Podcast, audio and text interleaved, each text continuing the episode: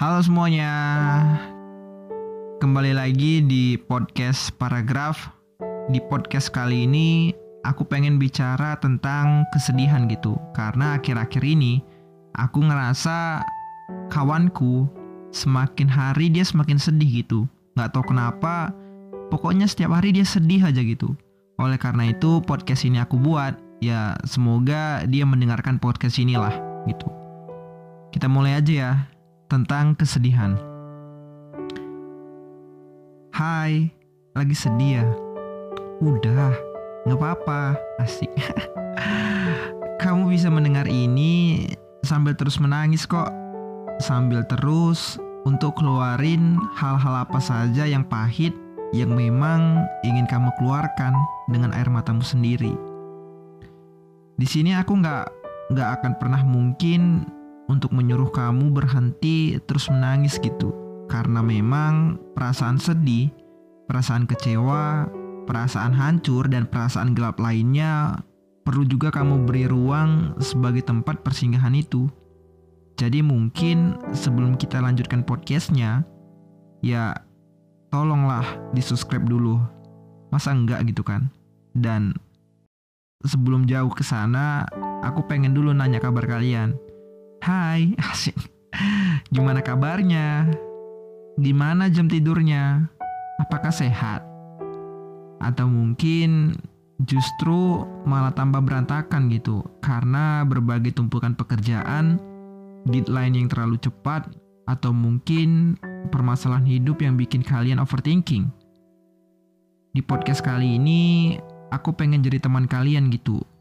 Karena aku percaya dan aku tahu ada banyak banget orang di luar sana yang gak punya ruang untuk bercerita sebagai tempat persedihannya. Jadi, kalau kalian lagi sedih, semoga aja video atau podcast ini bisa sedikit menenangkan kalian ya.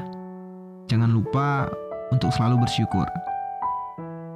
Dan kalau kalian lagi baik-baik saja, selamat ya. Dijaga moodnya. Semoga stabil sampai bangun besok hari lagi dan sampai ke alam mimpi lagi. Ya udah, mungkin tanpa harus berlama-lama lagi. Selamat mendengarkan ya. Kawan-kawan, aku nggak tahu gitu apa kesedihan kalian. Masalah berat apa yang kalian alami sampai kalian klik podcast ini.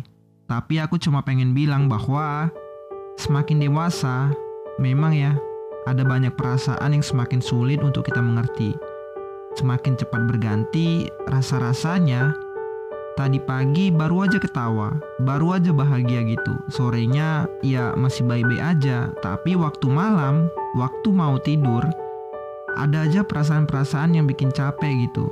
Keinget sama hal-hal yang gak perlu kita ingat, ngerasa bersalah, ngerasa kecewa, ngerasa gak berguna, insecure sama orang lain, insecure sama fisik orang lain, dan memikirkan hal-hal yang seharusnya kita gak pikirkan nggak sampai memakan jam tidur untuk memikirkan itu semua. Tapi namanya juga lagi sedih ya kan? Nggak apa-apa, diambil aja dulu kesedihannya.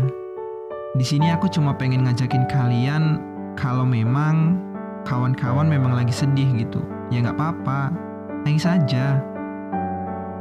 Kalau mungkin memang dengan menangis dapat membuat kamu merasa lebih lega, ya udah, take your time to cry aja. Karena di dunia ini gak ada manusia yang kuat selain dirimu sendiri. Bahkan Amanda Manopo pun pernah bersedih karena dicubit sama mamanya. Lawa. Semua manusia itu kodratnya adalah lemah kawan-kawan. Ya nggak?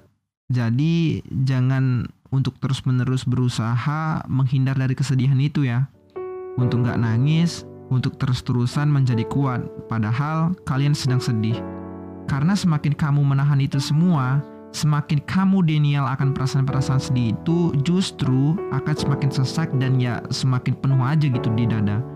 Karena kamu dipenuhi sama ekspektasi-ekspektasi dan beban-beban yang harus kuat, gak boleh nangis, gak boleh cengeng, ya kayak kayak gitulah. Itu menurutku ya salah sih, gak baik gitu. Jadi kalau kalian memang lagi sedih, alangkah baiknya ya diterima aja gitu. Bersyukur. Mungkin semesta pengen kasih tahu kamu bahwa ada hal yang harus kamu pelajari, ada hal yang harus kamu ngertiin. Karena biasanya kalau aku sedih nih, aku pasti yakin bahwa pasti ada pelajaran yang aku petik hari ini. Pasti alam semesta ingin kasih tahu kepada diriku bahwa aku harus lebih baik dari sebelumnya. Makanya ketika aku sedih, ya meskipun kadang aku masih suka menghiraukan kesedihan itu sendiri atau mungkin masih benci dengan kesedihan, aku sadar bahwa ya namanya hidup pasti ada sedihnya. Ya beginilah, kalau misalkan kita nggak sedih, ya kita bahagia. Kalau nanti bahagianya udah habis, ya pasti sedih akan datang lagi. Tapi besok bisa bahagia lagi, ya gitu-gitu aja terus pokoknya. Kalau misalkan bahagia terus menerusan, emangnya kita tinggal di surga gitu? Enggak kan?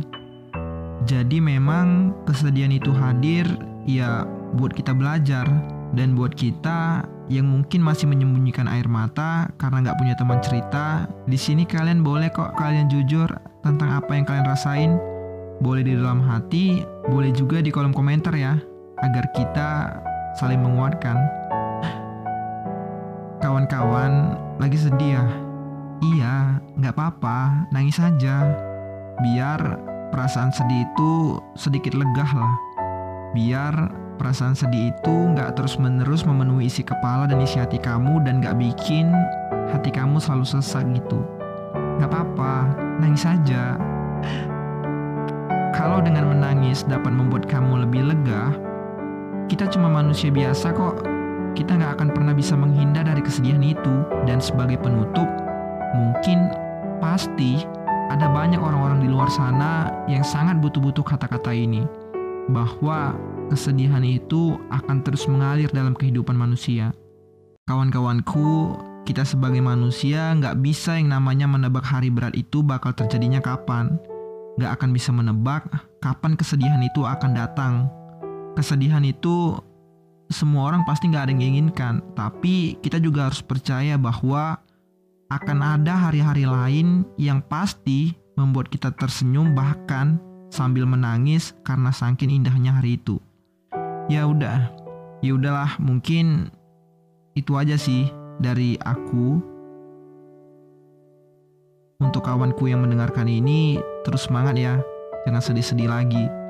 Makasih buat kalian yang udah dengerin karyaku yang dituangkan ke dalam sebuah podcast. Ya, support terus ya. Sampai jumpa di podcast paragraf selanjutnya. Kalau kalian suka, jangan lupa subscribe ya. Terima kasih.